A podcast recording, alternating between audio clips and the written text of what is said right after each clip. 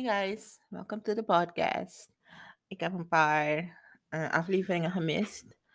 Um, dat komt door, you know, life. life gets in the way.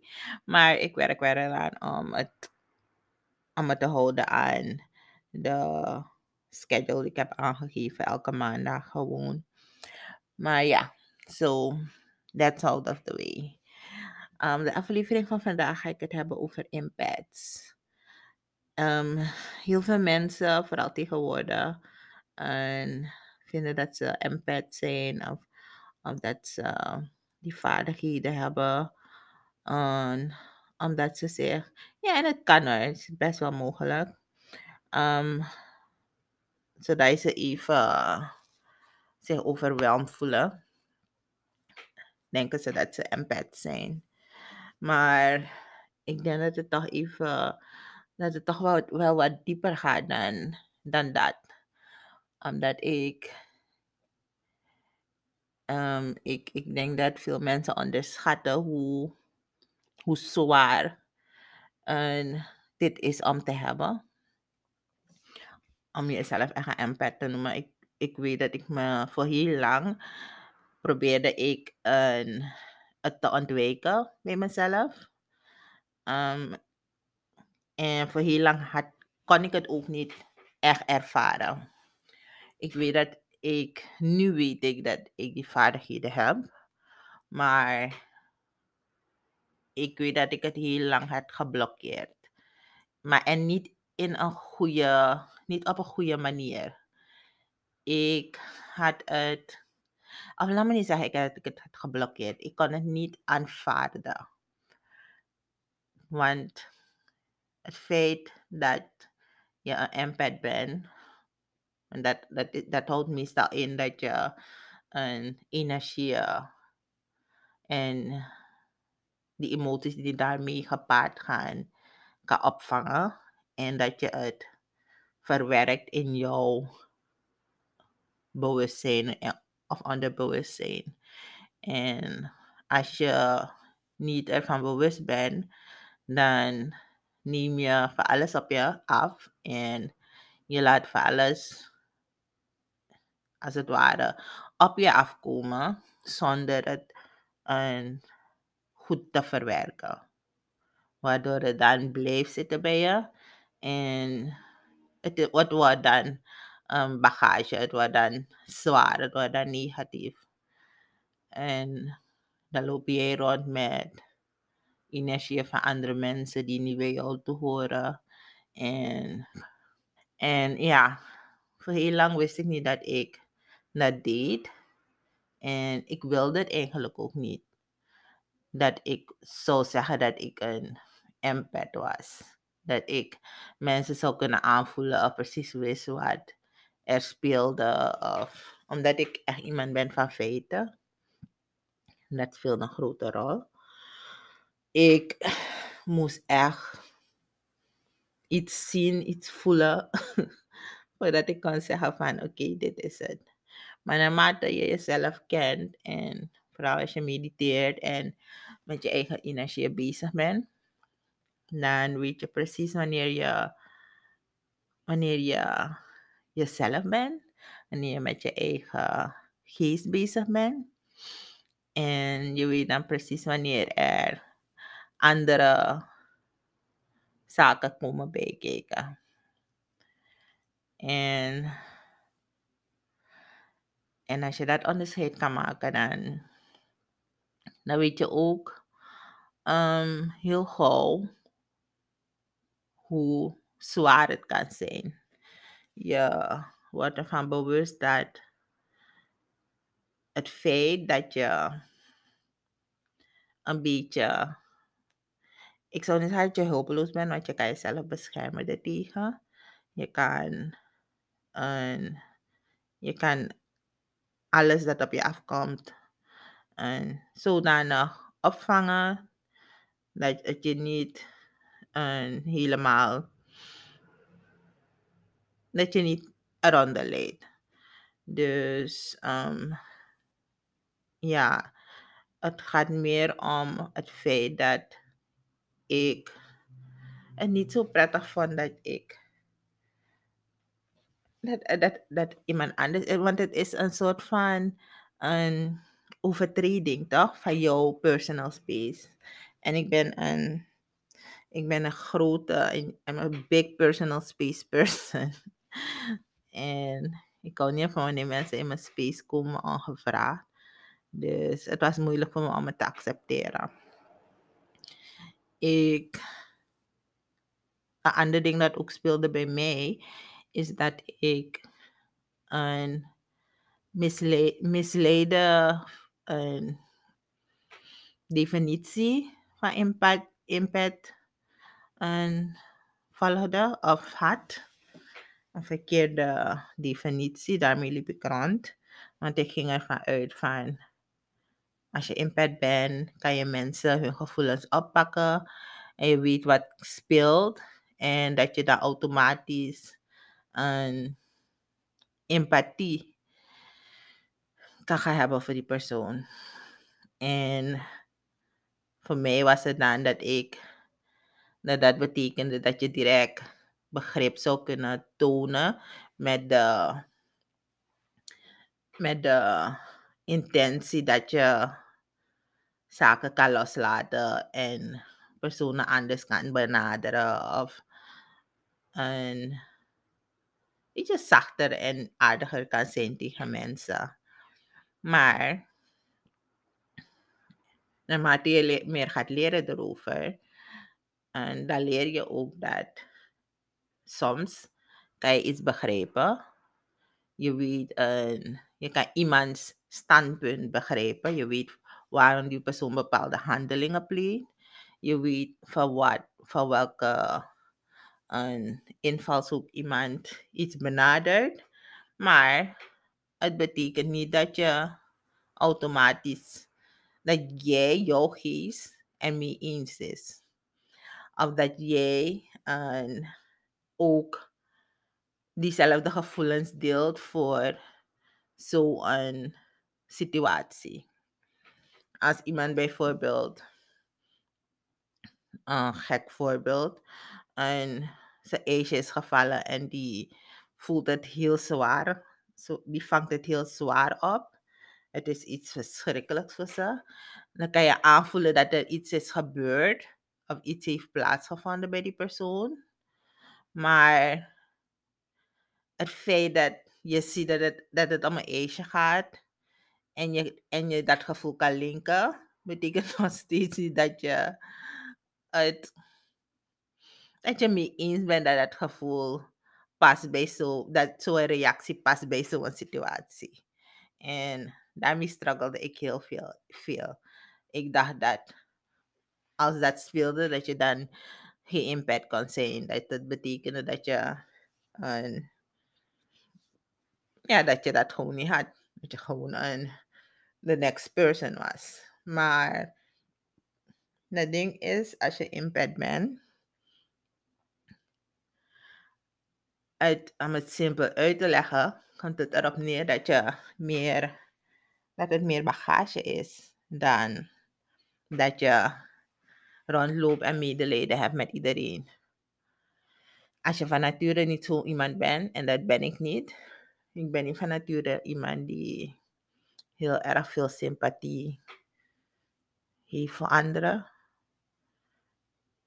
Het klinkt erger dan het is.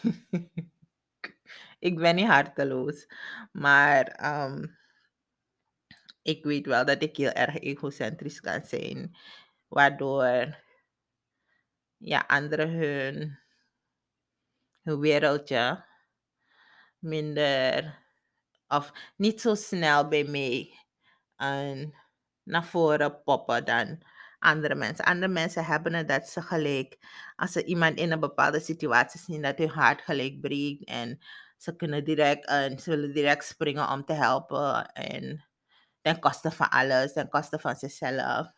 En natuurlijk is er een diepere trauma daarachter, maar ja, mensen die van nature dat al hebben. Ik heb dat niet. Dus voor mij is een impact zijn een, meer een iets waarmee ik struggelde. Omdat ik niet precies wist wat ik moest doen met al die energie die ik oppakte. Ik, ja, vo- voorheen, als wat ik zei, ik wist niet wat ze waren. En ik voelde me gewoon altijd zo moe, altijd zo zwaar, altijd zo, zo niet mezelf. Maar nu ik weet, nu ik weet wat, wat wel of niet bij mij hoort, dan is het ook, is het nog steeds lastig. Omdat ik niet wil dealen met andere mensen hun, hun, hun BS. Ja, het is geen BS. Dat ik niet zo zeggen. Maar andere mensen emoties, andere mensen situaties, wil ik niet altijd meedelen. En tenminste niet op momenten waarmee zij misschien uh, bezig zijn ermee. Want dan ben ik bezig met mijn dingen. Dus van dat, van, van dat standpunt uit zie ik het als meer bagage dan dat het iets positiefs is. Want het is dan, het is dan zo vermoeiend om heel, met heel veel energie uit huis te gaan. En dan kom je ergens aan en dan voel je die aanwezigheid van mensen gelijk. Het heeft invloed op jouw productiviteit.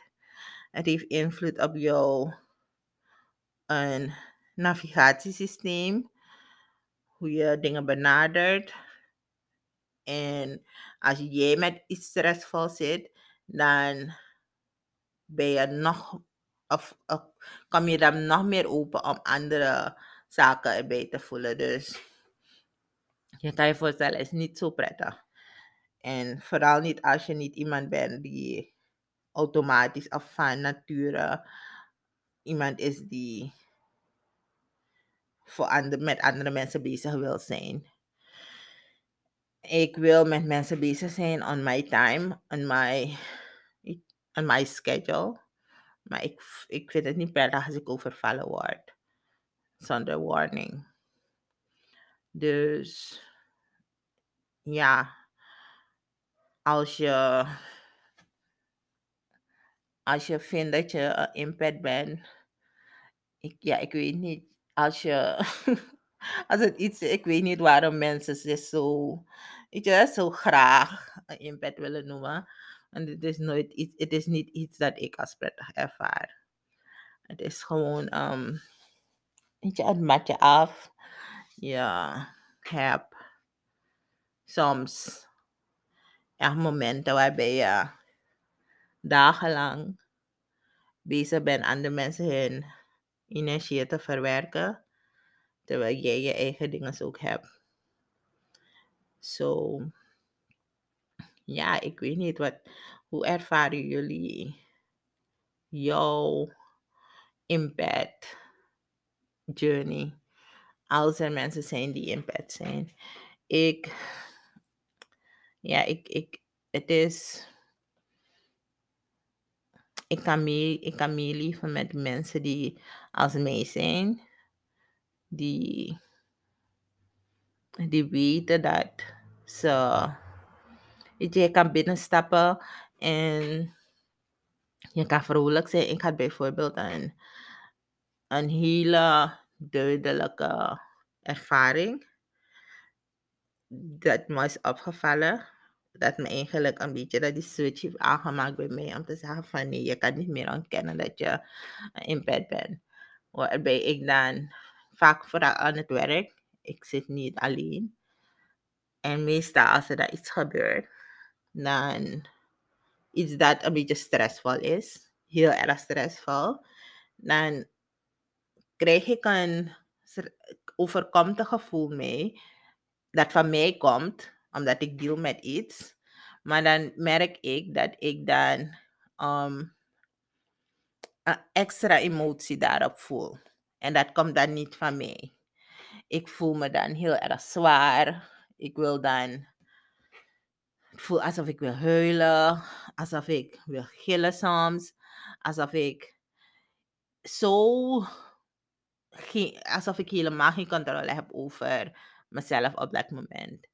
En dan heb ik het een aantal keer gedaan waarbij ik dan uit mijn kamer ga, van het werk natuurlijk, mijn kantoor ga, en ergens ga waar ik alleen ben. En dan merk ik heel drastisch hoe mijn emoties kalmeren. Want ik denk, ik ren ergens waar het stil is en waar ik alleen ben, waar ik het kan uitgillen of waar ik het kan uithuilen. En dan komen geen van die emo emoties dan naar boven. En dan heb ik maar een oppervlakkige, een stressvolle, een stressvol gevoel misschien, maar een gevoel dat ik aan kan. Terwijl die andere emoties niet van mij waren. Het waren van mensen in de buurt, in mijn directe omgeving op dat moment. En dat is een voorbeeld dat je misschien kan checken bij jezelf. Van hoe vang jij andere mensen emoties op? En het is niet één keer gebeurd. Het is een aantal keren gebeurd. En ik merkte van, nee, dit, je loopt soms rond met mensen hun emoties. En soms weet je niet eens dat die mensen met zulke zware emoties zitten. Totdat je het zelf ervaart. En het is ook niet prettig, want je moet je voorstellen, het kan iemand zijn om wie je helemaal niet geeft. Dan is het ongemakkelijk en lastig gewoon. Maar stel je voor, je bent nou wel in, in de buurt van iemand om wie je geeft, om wie je heel veel geeft. En je weet dat die persoon die emoties ervaart. Dan komt dat sympathiegedeelte wel in, inspringen. En dan is het dan, ja, is misschien zelf meer dan sympathie. Is, misschien als het iemand is van wie je houdt, dat betekent dat je dan, je gaat je extra rot voelen, want je bent op de hoogte van iemands uh, onprettige emoties. En je weet niet eens van waar ze komen of uh, waaraan het ligt. Je weet niet eens hoe je, eraan moet, hoe je ermee om moet gaan. Want ze zijn niet eens van jou. Dus ja, ik wilde even hierover praten. Ik wilde dit even kwijt. En ik wilde jullie ervaring weten hierover. Als, als jullie echt een, daarin geloven. Dat is één. En als je ook ervaring hebt van dat je, dat je bent, wat voor, wat voor bewezen, zou ik zeggen. Wat zijn verhalen die jullie hebben die, die jou wakker hebben gemaakt uh, tot deze, ja, hoe noemen ze dat? Dat je tot deze conclusie bent gekomen. Dus let me know. Ik zie, ik zie, of jullie horen me volgende week maandag weer. En take care. Bye.